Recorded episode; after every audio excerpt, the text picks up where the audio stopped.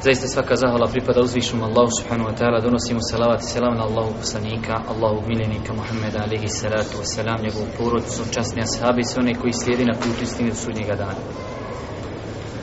Praću moja draga Ovo je naše Zadnje druženje Prije mjeseca Ramazana Kao što znate običaj je u mjesecu Ramazanu Da se napravi pauza Zbog iftara, zbog teravije Pa ako Bog da mi ćemo večeras završiti ovo poglavlje koji smo započeli prošlog versa, pa ćemo vidjeti na kraju ako ostane vremena neki nekoliko minuta da progovorimo nešto i o mjesecu Ramazanu, iako smo danas imali jednu lijepu od Fendije, Muderise, tako da ne treba plaho onaj dodavati na to, ali u svakom slučaju možda ćemo nešto ispomenuti ako ostane vremena. Kao što znate, govorimo o pravima komšije, Imam Buharija rahmatullahi alehi na početku svoje knjige je govorio o pravima roditelja, nakon toga govorio je o pravima rodbine, nakon toga govorio je o pravima djeci i četvrto poglavlje, ako bi ga mogli nazvati takvim poglavljom, je pravo komši Pa smo prošli put govorili o mjestu komšije koje je Islam dodijelio komšiji, dok danas ćemo govoriti o drugoj strani, jer smo spomenuli prošli put da naš odnos prema komšiji se sastoji iz dvije stvari. Da nam je naređeno da činimo dobročinstvo komšijama, s druge strane da nam je strogo zabranjeno da u komšije. Danas govorimo o toj drugoj strani uznemiravanja komšije, grijeh uznemiravanja komšije i na kraju ćemo, ako Bog da, jer nije nam ostalo puno hadisa, možda tri ili četiri hadisa, govoriti o nekim načinima uznemiravanja komšije koji su prisutni da se ako Boga svi preispitamo. Kaže Imam Buhari rahmetullahi alehi poglavlje lošijeg komšije od Ebu radi Allahu Taranu se prenosi da je Allah poslanik dovio gospodaru sačuvaj me lošije komšije u vječnom domu a komšija na ovom svijetu se mijenja. Ovaj hadis znači je naš uvaženi prevodilac preveo znači po jednom komentaru iako imamo znači ovaj hadis kod imama Nesaije s vjerodostojnim lancem prenosilaca u jednoj drugoj verziji ona je pojašnjenje za ovu verziju a glaslov da je Boži poslanik dovio gospodaru moj sačuvaj me lošo, loše komšije ne u vječnom boravištu u ahiretu jer ovaj darul el muqam u arapskom imate kad oni kažu hoće neko da uzme vizu boravnu zove se iqama od ove riječi muqam iqama, boravak. Zato kaže Boži poslanik utječem se gospodaru od loše komšije ondje gdje ja stanujem neprestano. Gdje imam i gdje imam onaj vizu. Gdje boravim neprestano. On kaže ovdje fa inne, da, dunja je zaista se kaže dunjalučki komšija mijenja imate znači vjerodosan rivajet kod imama Nesaije zaista se komšija nomad mijenja. Znači oni imate dvije vrste ljudi, imate čovjek koji stanu u jednom mjestu, imaju ljudi koji su pokretni, kao čobani. I taj koji je čobani, ako ti je loš komšija, a te Allah isluša sa njim, dan, dva, pet, deset i on ode. Ali kad ti napraviš kuću i pored tvoje kuće je loš komšija, to je belaj. I to od toga, od toga je se Allah poslanik utjecao, vraću moja draga, od lošije komšije u mjestu gdje stanuješ. Ono odeš negdje u turizam ili odeš nekom u komšiluk ili odeš negdje na izlet pa imaš lošije komšiju, čovjek se strpi gotovo. Ali lošije komšiju, ovo svakako ukazuje na mjesto komšiluka, braću moje draga, i večera ćemo ako dosta o tome govoriti. Arapi imaju običaj kazati El džaru kable dar. Komšija se traži prije kući. Prvo pitaš kakav je komšiluk, tada kupuješ plac. Ne kupiš plac i onda vidiš kakve ste komšije. Kod nas bitno naletiti povoljno. Kakve su komšije, svađat ćemo se, ratovat ćemo se, boli nas briga. Samo je bitno da je pojeftino. E, znači, u islamu nije tako. Ovo svakako ovaj hadis ne treba mnogo komentarisati. On znači samom činjenicom da je Boži poslanik tu stvar uvrstio u svoju dovu, to je dovoljno. Jer Boži poslanik nije dobio, ajde da kažemo, za neke bezazlene stvari. Dok je ta stvar našla mjesta u dovi Božjih poslanika, onda je to, vraću moja draga, velika stvar. Nakon toga, Imam Buharija citira drugi hadis u ovom poglavlju, vjerodostojen hadis, da je Boži poslanik kazao sudnji dan neće nastupiti sve dok čovjek ne počne ili sve dok čovjek ne ubije svoga komšiju, njegovog brata i njegovog oca. Neće nastupiti sudnji dan dok se to ne desi. To je se desilo na nama bošnjacima desetine puta, znači sudnji dan može se očekivati svakog momenta, jer nas su naše komšije koliko hoćete puta ubijale, mi nažalost nikad pameti da dođemo. U svakom slučaju, znači, od pokazatelja blizini sudnjeg dana jeste i to da će se ljudi toliko izobačiti ne samo da će komšija komšiju uznemiravati, već će otići toliko daleko da će zaboraviti na sav onaj hurmet njegov, na njegovu svetost, na njegovo mjesto, da će ubit komšu i njegovog oca i njegovog brata. Pošto kažemo da se to sve desilo, onaj nećemo to malo komentarisati. Nakon toga dolazi poglavlje gdje kaže Imam Buharija, poglavlje ne uznemiravaj komšiju. Naredbena forma nemoj uznemiravati komšiju zbog njegovog mjesta kojemu je Islam dao. Ovdje, braću moja draga, imamo jedan interesantan hadis koji nosi u sebi mnoge pouke i poruke. Mi nakon kada ga pročitamo možda i ne bi nešto toga mnogo naučili, ali spominut ćemo neke samo stvari koje su islamski učenjaci spomenuli. Kaže se od Ebu Hurire radijallahu ta'ala se prenosi da je Boži poslanik jedne prilike bio sa svojima sahabima pa mu je rečeno jedna žena pazite ovo sad jedna žena, prvo ne spominju njeno ime jedna žena Bdije noću? Klanja znači noćni namaz. Danju posti. Kaže i onda dolazi sa općim izrazom. Najveći klanja. Po dani posti i kaže čini dobra djela. Da više ne nabrajam, Prepoznatljiva je, prepoznatljiva je po tome da čini dobra djela. Udjeljuje sadaku. Ali samo ima, hajde da reknemo, jednu negativnost. Svojim jezikom vrijeđa, kaže komšije. Zamislite sad kad bi došli kod nas po našim parametrima, prije što pročitam ovaj hadis i kažu nam, ima jedan mujki posti, puno posti. Puno klanja, ovo je sve dobrovoljno, o farzima se ne priča uopšte. Puno klanja noćni namaz, puno posti dobrovoljni post, puno radi dobrih dijela, puno udjeljuje sadaki. Ali eto, komšije malo zabarkiva jezikom. Šta bi mi rekli za njega? ma dobar ko kruh. Pa ja. Jer imamo drugi koji barkaju komšija, a ništa ovo ne radi. Ovo je dobar. To je po našim parametrima. Pogledajte što kaže poslanik za tu ženu. Dva opisa. La hajra fiha. Nema, kažu nju je hajra. Nema hajra. Ona je džehennemlija. Pogledajte šta su sve učenjaci izumili i uzeli iz ovog hadisa? Da je vrijeđanje komšije veliki grijeh. Kako su to shvatili? Shvatili su zato što je definicija velikog grijeha prijetnja džehennemom. Svaki grijeh čim se prijeti vatrom je veliki grijeh. Druga stvar, ko što naši ljudi sad ide Ramazan, postim Ramazan i gotovo izlazim čist od grijeha. Čitav život pio, čitav život po javnim kućama hodio i sad evo me čist hadise ispravno shvatiti, ono kad se kaže bit će mu oprošteni grijesi, je ispravno shvatiti bit će mu oprošteni mali grijesi.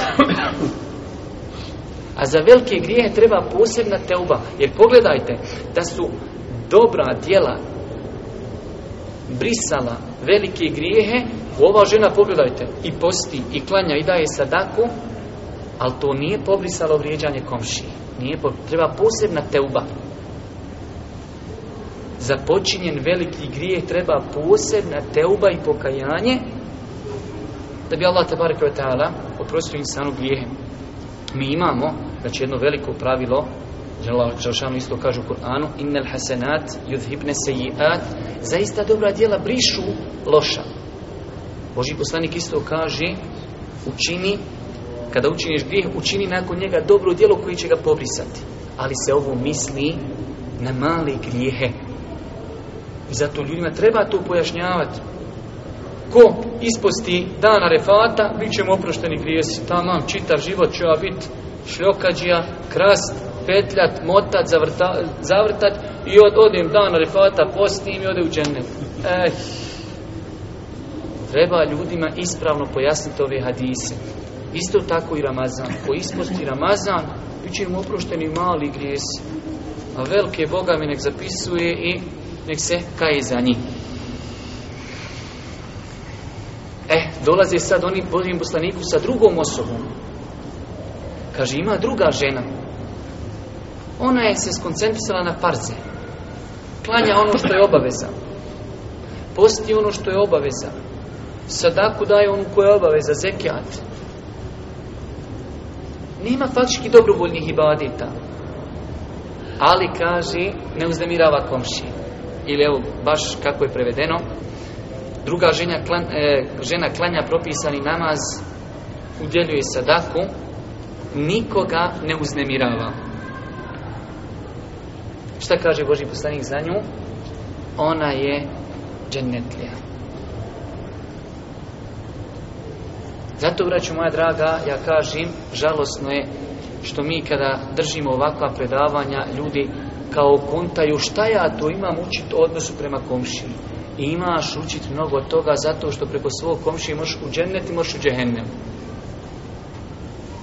Komšo ti može biti most, samo dže. Za džennet ili džehennem, toliko je mjesto komšije, vraćamo moja draga. Zato kažemo i govorili smo prošli put, mjesto Edeba je veliko mjesto. I teško je naći u islamu stvar da su za nju obećani toliki sevapi, tolike nagrade i tolike deređe kao za, za lijepo ponašanje. Čovjek lijepim ponašanjem može dostići stepen postača klanjača. Tamo neko klanja neprestano, posti neprestano, gladan, najveći stoji, otekle mu noge, ne spava, ti spavaš, pozdani jedeš sladolede, sve i vas dvojica na svijednjem danu isti. Zašto lijepim ponašanjem? Najviše ljudi će ući u džennet zbog lijepog ponašanja. Najteže djelo na sudnjem danu, lijepo ponašanje. I tako. će teško je naći u islamu djelo da se za njega obećaju takve nagrade kao što je to, vraćamo, draga, lijep ahlak i lijepo ponašanje. I to ovdje što kaže Allaho poslanik, odnosno kada su upitali, kažu, ali uznemirava jezikom svoj komšiluk. Braću moja draga, mjesto jezika ili njegova opasnost je mnogo veća nego što mi možemo zamisliti. Najbolje je pojašnjena opasnost jezika u hadisu boharije kad kaže Boži poslanik čovjek će kazati jednu riječ. Riječ. I to znate šta još? Neće osvrtati se na nju. Nako, ha.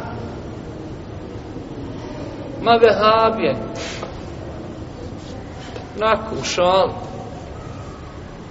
novotar, čafir, tagut, trmu, brdo, lijevo, desno, ništa.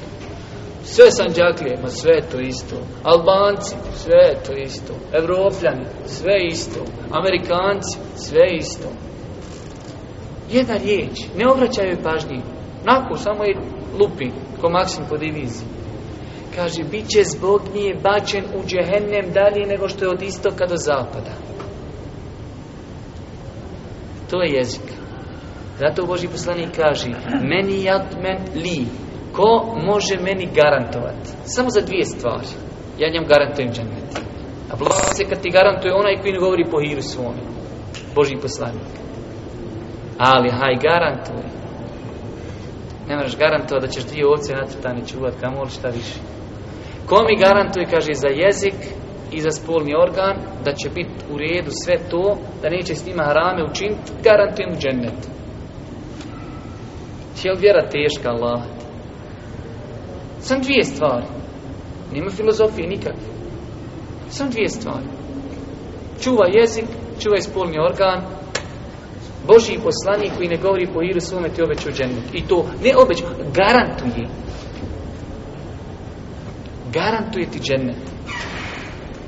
I zato kažem, braću moja draga, čuvajte se, pazite se, preispitujmo se svi zajedno. Kaže Allah poslanik, menu samete neđa, ko bude šutio, bit će spašen. Kod nas imaš ljudi, pročita pola Isnul muslima i pola Rijadu Salihina i gotovo. Postaje šehul Islam ibn Tejmije 21. 21. stoljeća. Sve novotarije zna, sve propise zna, sve čafire zna, sve živo zna. A Boži poslanik kaže, ko bude šutio spašen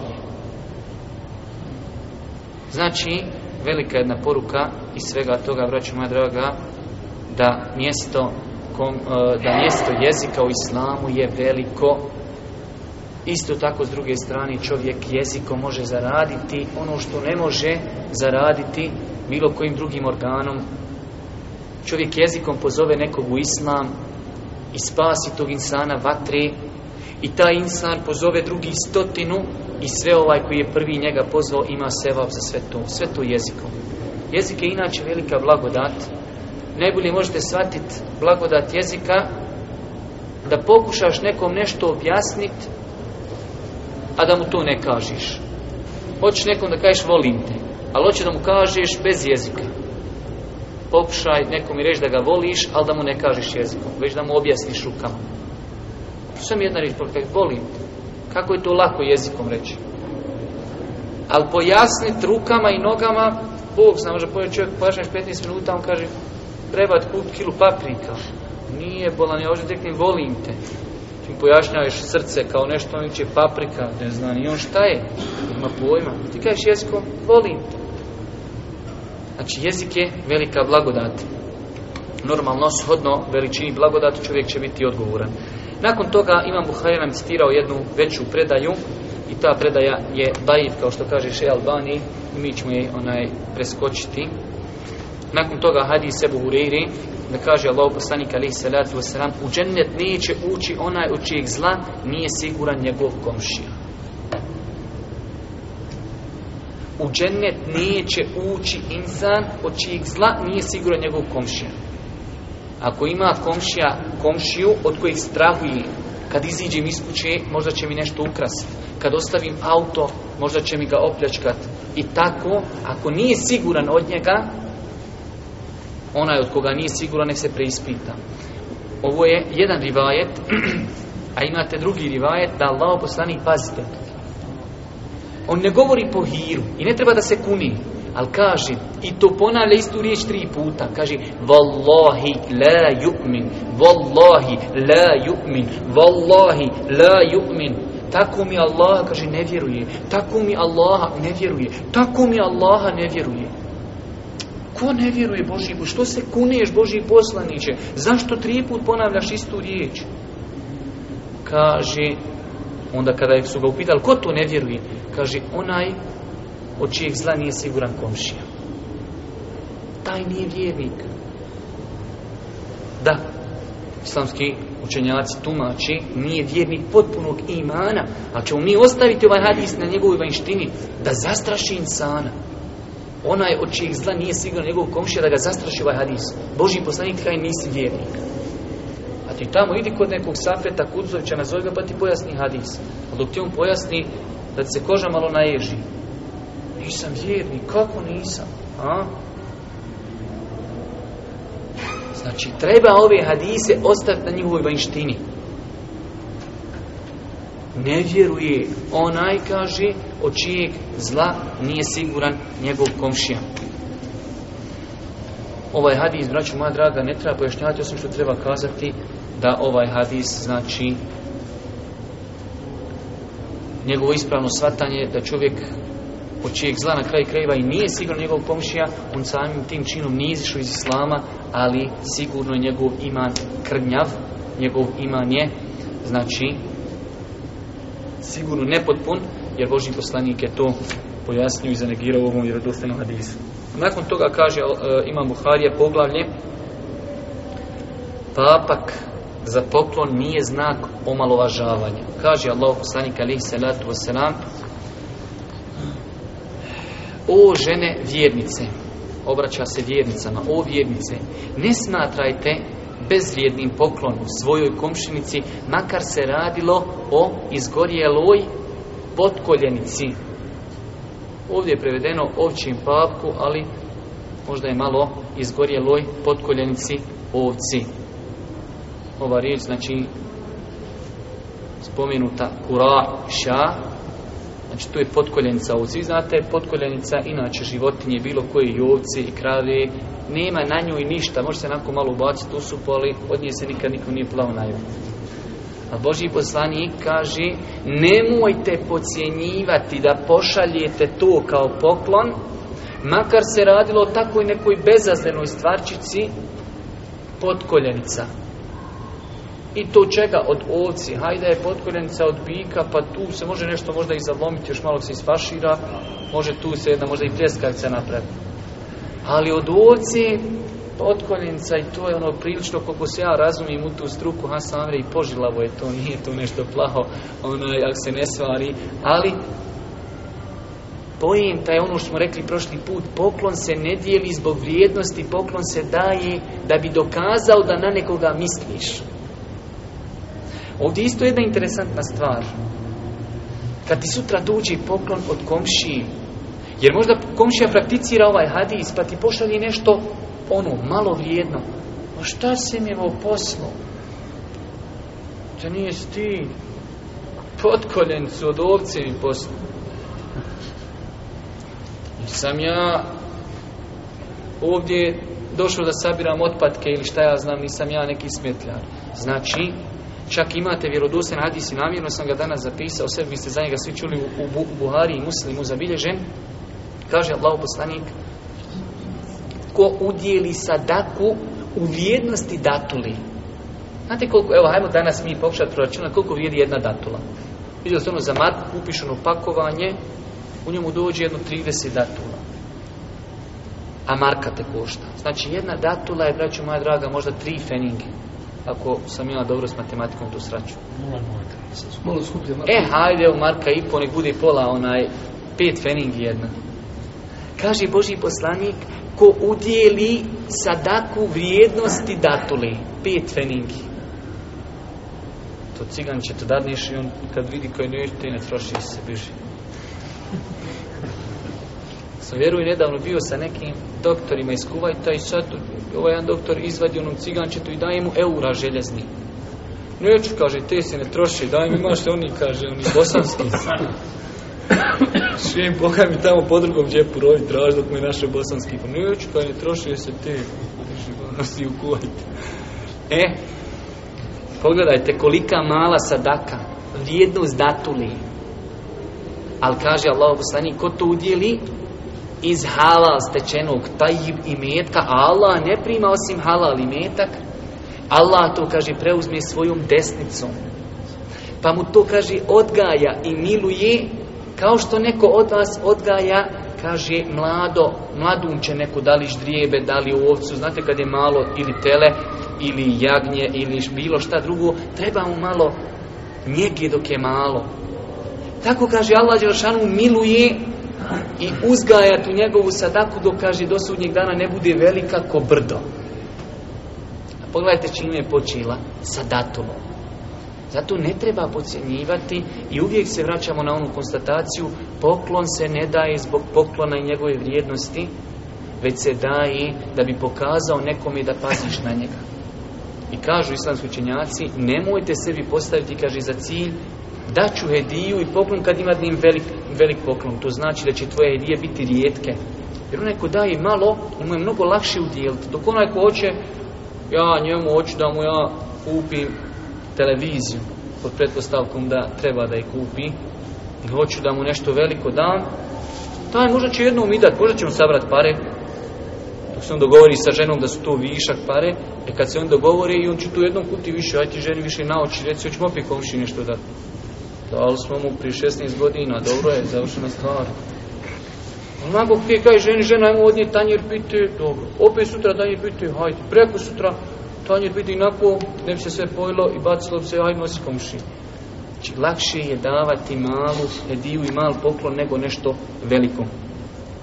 Zato kažem, onaj, ovaj hadis nas jasno uči da trebamo paziti na komši i komšijske odnose, pa makar tu bila presmena hajde da kažemo na hedija, u drugom ovom hadisu kaže Allah poslanik, o žene muslimanke, o žene muslimanke, ponavljam, ne smatrajte bezvrijednim poklon svojoj komšinci pa makar se radilo o očim papku.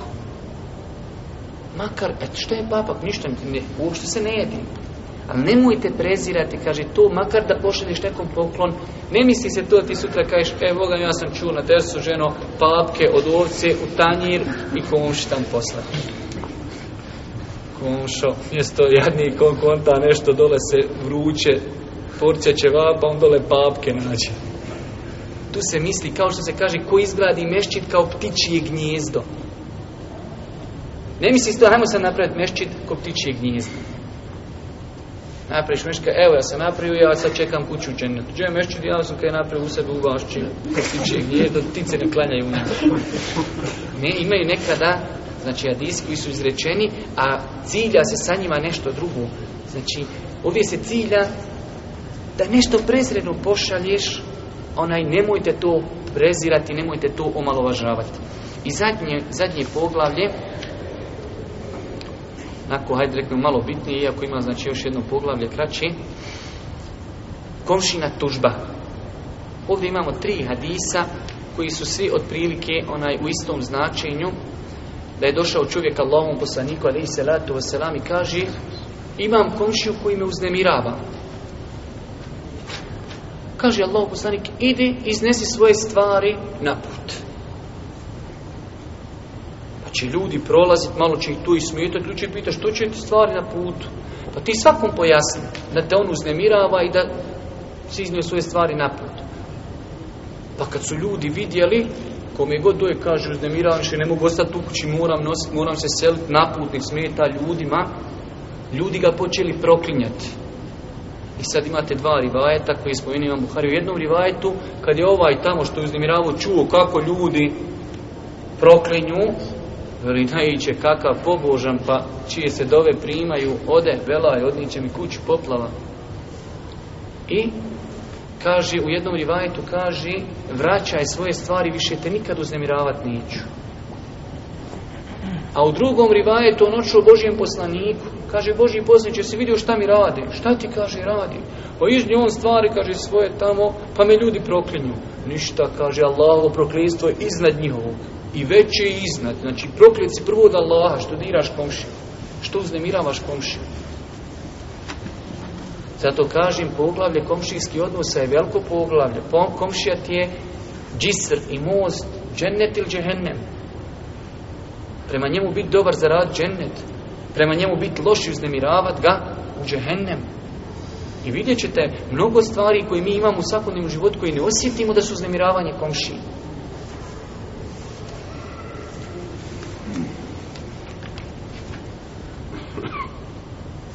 I zadnja stvar, znači imamo ovdje ko svojim uznemiravanjem natjera komšiju da napusti stan, to je znači predaje od radi radijallahu ta'ala anhu.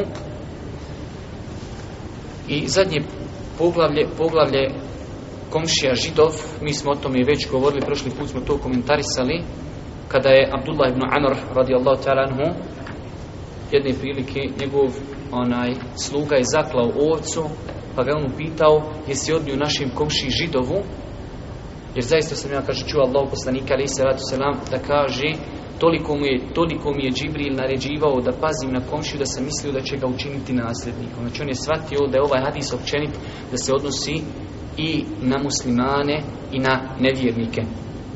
Govorili smo prošli put malo opširnije o tome kako bi imali vremena ako Bog da onaj za ovaj dio drugi predavanja nećemo više to ponavljati. U nastavku ćemo, braću moja draga, spomenuti nekoliko faktora, nekih činjenica stvari koje su prisutne u velikom broju slučajeva kod nas u životima, a islamski učenjaci, kao što vidite, onaj su ih spomenuli u svojim knjigama da je tu uznemiravanje komši. Koliko nam je ostalo još fakta Dobro, može.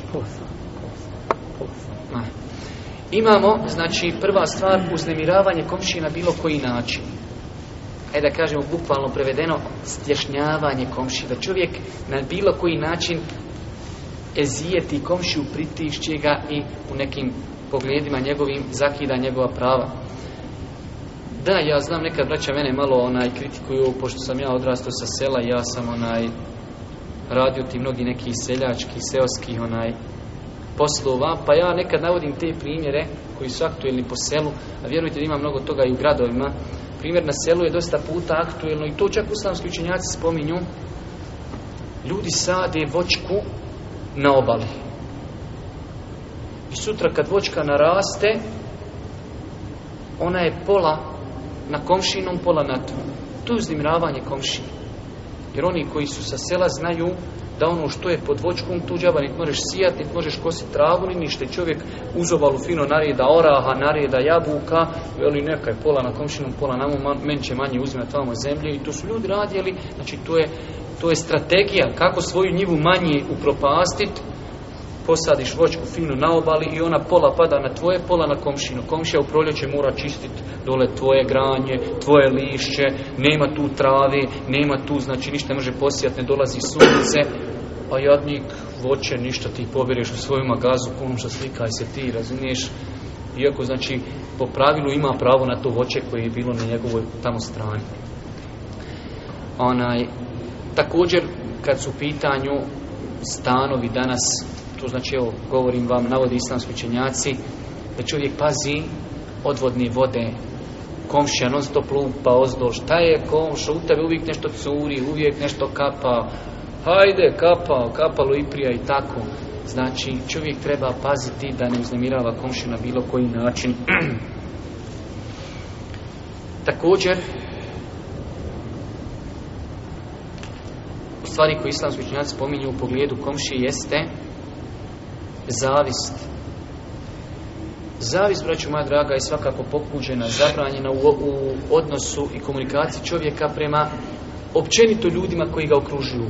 A kako onda prema čovjeku koji ima tolika velika prava kao što je komšija. Normalno ovo se dosta puta manifestuje kroz žensku populaciju. Žene strogo one prati šta je komšinca kupila, gdje su otišli, koliko su kupili, koliko su donijeli, kolika je plata, u koga i onda tu dolazi do te neke zavisti što svakako, braću moja draga, je pokuđeno i treba se čuvati takve stvari. Treba se čuvati omalovažavanja komšije i smijavanja komšije.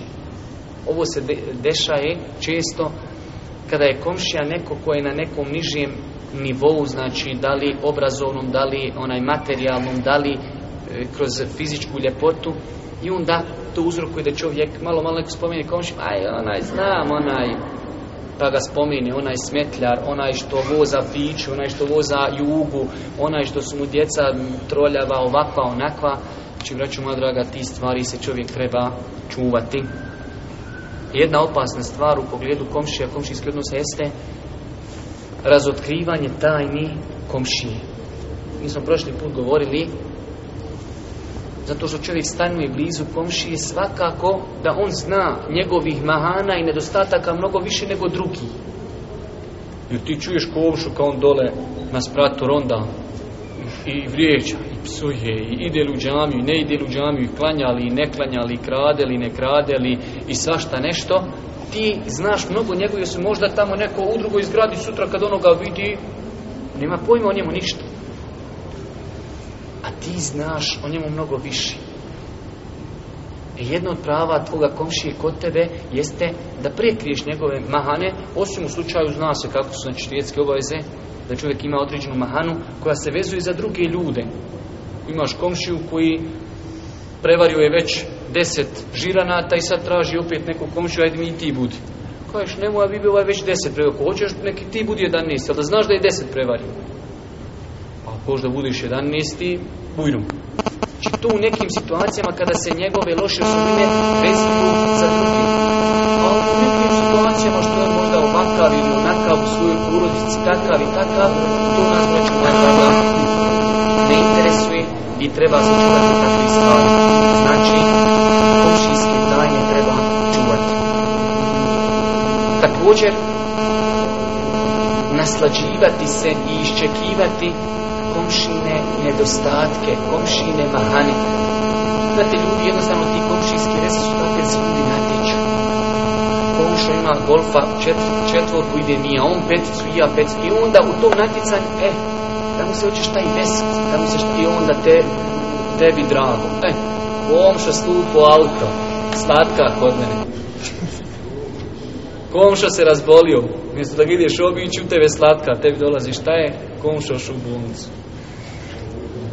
ili komšo išao na neki ispit propao, komšo ovo, udala mu se čerka, vratila se, oženio mu se sin, razveo ženu i tako. Ma nema, auto non stop kod automančara, uvijek ga opravlja. I ta, e, brate, neka neke moje vrijedno, njegovo, boli me briga. Znači, tu je, braću moja draga, ništa drugo do slabost insanske duši i treba se čuvati toga. Također, treba se da braću moja draga, da čovjek nekad bespravno, ono malo prije smo spomenuli, ne počni e, ljude upozoravati na svoga komšća. Znači, rekli smo, ako komšija ima svojih nekih nedostataka, možda neko hoće da se ženi u tog komši ili udaje za komšinu, pa tebe pita, tebi je šerijatska obaveza vađi da kažeš ono što znaš. Ali ne ako se desi lupan komšo, ima jedan aferim, ti kaš ima njih njih 101. Čisto kako se ti malo nekako onaj ispuho što je komšo možda na u nekim stvarima materijalnim od tebe, e ovaj došao će prosi čirku, ma ne, a bi bolje ti slomi noge i ruke, sve živo, nemoj da nju ženiš. Ne, znači takvi su i takvi su, hoćeš, hoćeš, nećeš, ja znači obavezam je da kažem ono što znam. Također, znači napadanje ili ajde da kažem, uzurpiranje njegovih materijalnih prava. Čovjek treba da se pazi našto kad su u pitanju međe. Onaj da čovjek maksimalno, jer vidjeli ste prošli hadis kaže kaži Boži poslanik, ukrasti od jednog komšije ili jednom od komšije je manji. Znači tu je teži nego ukrasti deset puta na drugim mjestima. Znači, uzurpirati tuđe pravo Svugdje je haram, ali od komšije deset puta više zabranjeno. Na primjer, evo islamski činjaci navode uznemiravanje tog tipa jeste da čovjek ukrade nešto od komšije ili da ga uznemirava na način da na njegovim vratima, na njegovom zidu djeca napišu nešto. To je vid uznemiravanja komšije ako komšija parkira auto pred zgradom ili pred kućom, da čovjek pazi da njegova djeca, djeca igraju lopte, gađaju se tamo kamenju, razbiju komšinu šoferšajbu, ovu, onu, otkinili, otkinlo, ogledalo da oni mogu malo ono gledat po suncu, tamo šta je otkinili komšinu, ogledalo Mercedesa, komšo mali infrak, infrak nije dobio kad je vidio. Znači, i govorit ćemo o tome, to je jedan problem da čovjek odgaja djecu, da odrasti djeca, da im je odgaja, da poštuju komšiju. Znači, dijete treba od malena da zna da je komšija svit. Ne da je svijetac, već da je svijet. Njegovo pravo je svijetu i dijete treba od malena da se uči ovo je komšija sine. Ne smiješ da gledaš u njega popriku. Moraš da paziš na komšiju, na njegov imetak, na njegovu djecu. Moraš da paziš kako vodaš pokući, da ne uznimiravaš komšiju od malena, kad naiđe komšija, da se dijete treba upitati sa njim, pozdraviti, pomoć mu ponijeti kese, snijet keš i tako. Da roditelj neprestano djetu, ovo je komšija, moraš paziti na komšiju, ovo je komšija, nemoj da bi šta uradio što uznemirava komšiju. Takvu djecu treba braću odgajati. Ne pusti, skontat će on kao ta će bolan skontat, on čita život sam igrica, igra i ganja Ronalda i Rivalde, boli njega briga za komšijom, on igra u stanu, lopte i to što komšija poludio, boli njega briga. Nauči djetram, mu kažeš, dole je komšija, kraj kuće je komšija. Treba da paziš na njegovo auto više nego na naše auto. U tom kontekstu, braću moja draga, treba odgajati djecu. Ima hadis koji je dajiv, ali njegovo značenje sigurno nije daleko od ispravnoga, to je da je Boži poslanik kazao uznemiravanje komši ne može biti malo. Bilo koji vid uznemiravanja je velik. Hadis je daiv, ali može se citirati zbog njegovog značenja. Uznemiravati komšiju na bilo koji način, braću moja draga, treba to izbjegavati maksimalno. Također, ovo kada govorimo o odgoju djeci u tom kontekstu, prvo treba odgojiti djecu, da pazi na komšu. Druga stvar,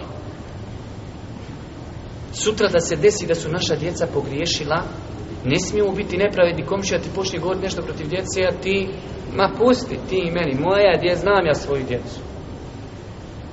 Znači treba pustiti komšiji da kaže, dozvoliti mu da se požali i ne treba bespravno braniti djecu. Ne, ne, moja djeca, ja znam, ne smije ono. Se okreniš, dijete dobacuje komši. Komši kaj se dobacivalo? Ne, ne, znam ja da ne smije. Pa komšo, moj džaba, nije i gotovo. Vjerujem ja svom djetetu. Znači, treba te, vraću draga, stvari paziti, treba ih se čuvati. Također, Čak ovdje ja mislim da tu ima nešto i neka ograničenja u pogledu tog bontona u zgradama i tamo i vamo, dokad se smije praviti buka. Do deset, do devet smiješ odvrtat muziku, smiješ igranku praviti, već poslije deset ne smiješ. Tu islamu nema. I čovjek treba da pazi kada mu dolazi društvo, kada mu dolazi gosti, kada ima kakve, ajde reknemo, manifestacije, neke sobete, neka okupljanja u kući, u stanu, da to opet bude u granicama. Možda je tebi do, do, do svadbi, a možda komši nije plavo do svadbi, treba se proveseliti, ali ne treba njega uznemiravati. Znači treba, braću moja draga, kod nas se desi, ja znam, primjer radi kod mene u komši kad mu dolazi gost. Ja tu noć do dva ne mogu spavati, gore djeca igraju futbala, inače svim danima su mi, ali kad mu dođu gosti, ja znam da su komši gosti taj dan tačno je jednom u tri mjeseca, pošto mi slabo vilazimo rodbinu, i ja u tri mjeseca jednom se strpim gore oni. Ma sam kontakt kad će veća noga kroz plapu proletiti. Ali znači, čovjek onaj, kak se zove, još da kažem, treba i tim nekim drugim ljudima u granicama bontona kazat ipak dođu ljudi sad, ne, ne vrijeđam nikog, ja sam odrastao sa sela u šumi, a ljudi naravno naučim na selu trčat, po pokući, lupat, niko, Stan stanu, u zgradi je drugačiji, djeca dođu, oni bi da igraju futbala u zgradi, ne može se u zgradi igrati, komuša ozdol, odmah lupa. I znači čovjek treba, kaže, zvinte, molim vas, oči lopte, neki idu dole na igrališta, ali ovdje se ne može igrati u stanu lopte. Zvaće nam komuša policiju.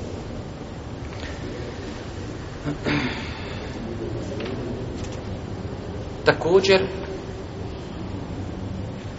jedna interesantna stvar, ako je vlasnik, čovjek vlasnik određene kuće ili određenog onaj objekta, da pazi kome će iznajmiti taj objekat zbog prava komšija. Pogledajte kako Islam daleko otišao.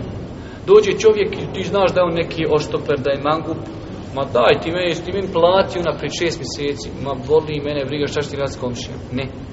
Od prava komšije da ti paziš koga ćeš tu dovesti. To je pravo komšije da pasiš koga ćeš dovesti. Zato imate vjerodostojan hadis kada neko od vas hoće prodati zemlju, neki kome ponudi prvu. Komši. Jer on ako kupi sebi neće imati nikakvu komši, neće imati problema. Ali ako pondiš nekom drugom dođe mu čovjek koga on možda ne simpatiše ili ne voli ili ne želi da ima uopšte komšiju drugog. Zato kažemo, znači treba paziti koga dovoditi u komšiluk.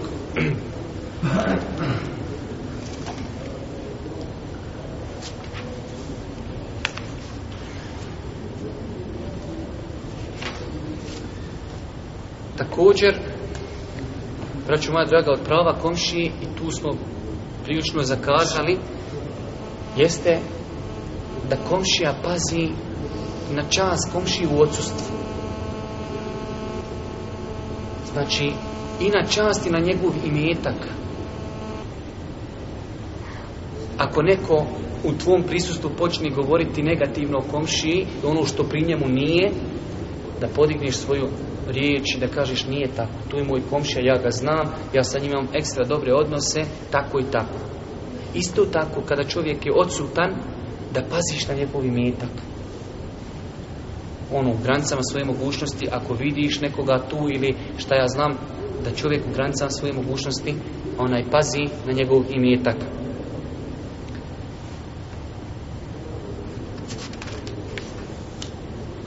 Također, tu smo, pogotovo u ovim gradskim sredinama, u velikom broju slučajeva zakazali mnogi, jeste neupoznavanje sa komšijama. Imate ljudi, živi u zgradi, kaže onaj gore povišteve, nemam pojma, ja, ja ovdje živim već 16 godina, ja uđem iz svog stana, iziđem, ne znam ja ni ko je gorni, ko je dol, ko je prvi komšija, ko je odakle je, kako mu ime, ništa ja nijem pojma. Znači, braću moja draga, jedan od adaba odnosa komšijski jeste da se čovjek upozna sa svojim komšijama. Ko je, šta je, odakle je, koje profesije, opet u granicama mogu, nećeš sad ti prvi dan komšu vidiš i odmah mu dadneš formular, da mi ovo popuni, kao ono što je ovo da ovo nije sipa nešto koje gore dole, nisam znao da sipa prima bradate ljude i tako. fino, polako sa njim kulturno kosi, šta si, odakle si, šta radiš, možda ti sutra mogu pomoć i ovako i onako. Znači se čovjek upozna onaj normalno samim tim i da se obilazi komši. Također učestvovanje sa komšijom u onome što se njemu dešava od ajde reknimo, radosti i žalosti. Ako je kod komšije neka radost, kupio auto, kupio stan, simu završio školu, čirka mu se udala, kupio ovo, dobio ono, šta ja znam, da, da on kad tebe vidi, da on osjeti da si ti zadovoljan time. Allah ti podario sve najbolje, čuo sam mašala, da si ovo mašala fino, drago mi je, da ti Allah olakša, samo naprijed, nastavi školu i si tako.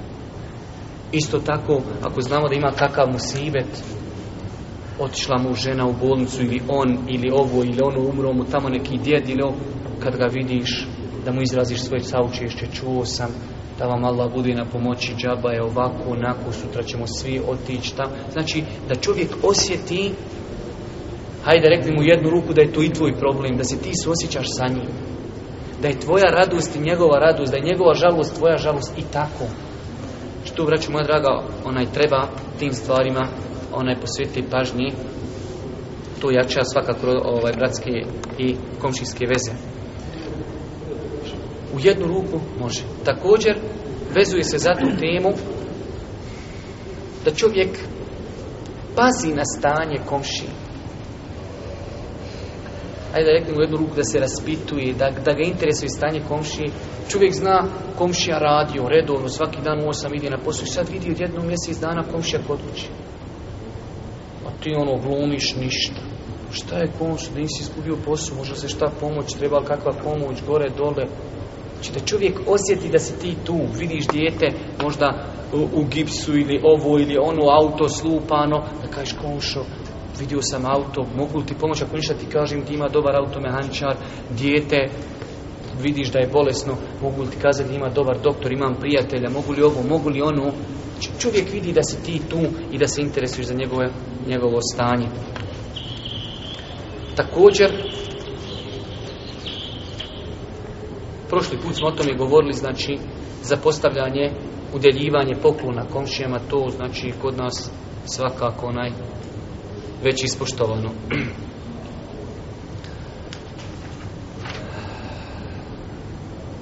Također jedna interesantna stvar, u jednu ruku ona otvara komšijske odnose, a njeno neprakticiranje zatvara komšijske odnose, da čovjek nije spreman da pozajmi komšiju neku stvar koja je potrebna komšiji. Jer ljudi takav je insan, ne može sve u životu imati. Neko je za zato ima ključiva i šarapa koliko hoćeš, ali možda nema sjekiri jednih. Možda nema, šta ja znam, noža. I zato su komšije tu. Šta kaže zato Allah Đelešanu? Zašto se mi zovemo tu suru era el Ledvi? A kako se ona zove inače na arapskom? El Ma'un. Wa jemne'un el Ma'un. Šta je Ma'un? Ne daju, kaže, kada Allah Đelšanu govori u ovoj suri, potom je sura dobila ime, ne daju ono što mu komšija zatraži. To Allah pogrdnim smatra. U Kur'anu spominje. Komšija dođe, dajem šaracigar, pa znaš da ovaj šarciger, je ovaj meni ostaje od djeda, on od svog djeda i ovo je njemački, onaj originalni, nemoj Boga da mi ga izgubiš. I tako. Znači, da čovjek u granicama mogućnosti pomogli, Ne možeš sve imati, niti ni komšija. Ali nešto on ima, nešto ti imaš, nešto treći i tako se potpomažite. S druge strane, nemar prema komšinim stvarima. Isto to je, braću moja draga, problem. Komša ti dao švaciga koji on naslijedio od pradjede svog tamo neki i švicarske. I on ti ga dadne, on bi ti volio dati toko nego taj a ali prigori, evo ti, haj. Ali molim te vrati. Ti, nakon tri mjeseca kažeš komšu, znaš šta je, šta je? nije tu šarci igra, Bog zna djeli, možda ga žene bata u smeće, komšo. volio je, razumiješ, da smo šamar zvizno, negdje nije šarci igra. Znači, završio si odmah vrati, završena stvar.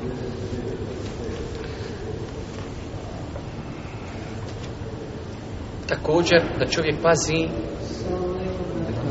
ako bude, ako bude pozvan na neku proslavu, Komša očekuje dođeš mu ti tamo na neku njegovu manifestaciju, tebe nije, sutra on kaže, pa gdje si? A ja, zaboravio da je tu uopšte kod tebe. Znači, čovjek da, da tim stvarima, znači, posveti malo pažnje, da to zapiši, da se odazove. U granicama opet kažemo, onaj, insanske mogućnosti.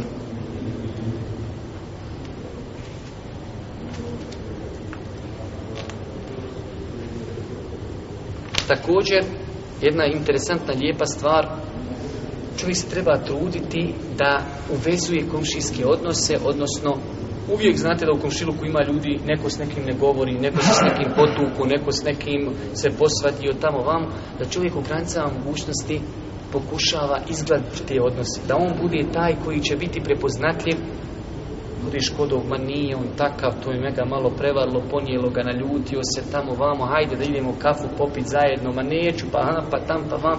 I da čovjek, znači, bude od onih ljudi koji će uvezivati komšijske odnose. Također, za postavljanje komšije i njegovih prava u smislu dobročinstva komšije koji je nevjernik. Čak šta ja vidim u današnjem vremenu, nevjernicima treba duplo dobročinstvo raditi zbog, ajde da kažemo, medijske kampanje protiv islama i gori dole. Musliman komšija, on zna, a ovaj dobar klanja, znam ja, neće meni od njega glava za bolt. Ali tamo možda neki nevjernik, on tebe drži na nekoj distanci, e, tu čovjek treba znači maksimalno se potrudi ponašanjem, poklonima e, i ovako i onako da onaj maksimalno te, hajde i nazovemo barijere, onaj, hajde kažemo, izbriši. Vidjeli ste malo prije kako su ashabi shvatili taj hadis, da su oni prvo kada bi zašlali u ovcu pitali je li dobio komšija židov. Također, čovjek, braću moja draga, ovo je nama inače jedna velika boljka u životu, ali kod komšije pogotovo, da čovjek ne vreduje komšije po njihovoj nekoj, hajde da kažemo, tituli i vrijednosti koji zaslužuju. Boži poslanik kaže, enziru nasemena zilehom, ljudime, ljudima dajte, ispustite ih na, na deređe koje oni zaslužuju.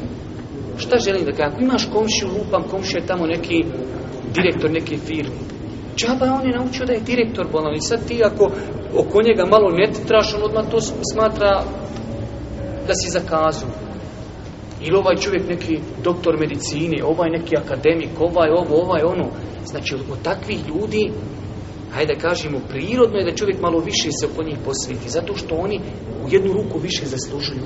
Ili imaš neku komšiju, prvi komšija, 26 godina tek se oženi, on je tu u redu. Drugi komšija, 60 godina. Ne možeš isto ovoga gledati od 25 godina i onoga od 60.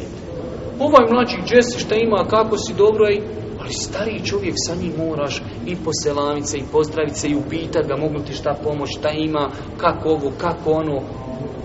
stari Znači u svakom pogledu svako ti komši ako ima neku titulu ili nešto zbog čega zaslužuje da bude dodatno poštovan da to znamo.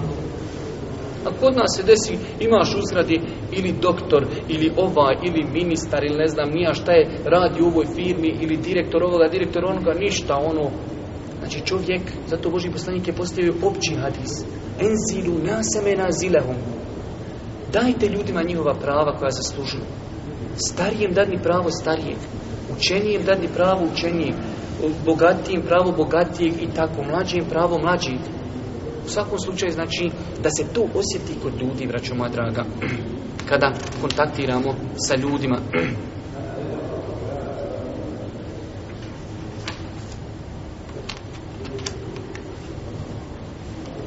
Također, znači, rekli smo, čovjek, naročito insan koji praktikuje vjeru, treba malo biti spreman i na uvrede. I to je jedan, e, ajde da kažemo, jedna deređa u, u svemu tom. Imamo deređa dobročinstva komši, zabrani uvredi i treći, strpljenje na njegovim uvredama. Znači ovo su tri deređe kad je u pitanju komšiluk. Prvo moraš mu čin dobročinstvo, ne smiješ ga vrijeđati i trebaš se strpiti kad on tebe uvrijedi. To su stepeni. Ne malo nešto komšo uradi odmah, zove policiju, lupa i haj dole na vrata, zvoni. Malo se strpi, proleti jednom, dva put preko kuće, nešto jednom baci pred vrata, ili ovo, ili ono. Malo se strpi. Znači, treba, braću moja draga, i tim stvarima onaj posvetiti pažnji. Da, čovjek živi u tim nekim teškim vremenima, svi su pod nekim pritiscima, pod nekim nabojima, ma malo ti nešto fali, što bi rekao narod ko smrtljivom siru, malo nešto, evo ga odmah, zove policiju, kucaj, lupaj. Znači treba malo, braću moja draga, nekada istrpiti se. I zadnja stvar, interesantna i lijepa stvar, rekli smo da insan ko insan, sad je komšija ovdje, sutra će biti komšija negdje na drugom mjestu. Kada čovjek odi iz jednog komšiluka, da ne zaboravi na taj komšiluk, nakon što ih napusti. To isto pravo komši. Nažalost, te stvari, onaj kak se zove, su zapostavljene u velikom broju slučaja čovjek napusti jedno mjesto, jedan grad, jednu ulicu, jedan stan ili jednu zgradu i nakon toga ako da nikad tu nije bio.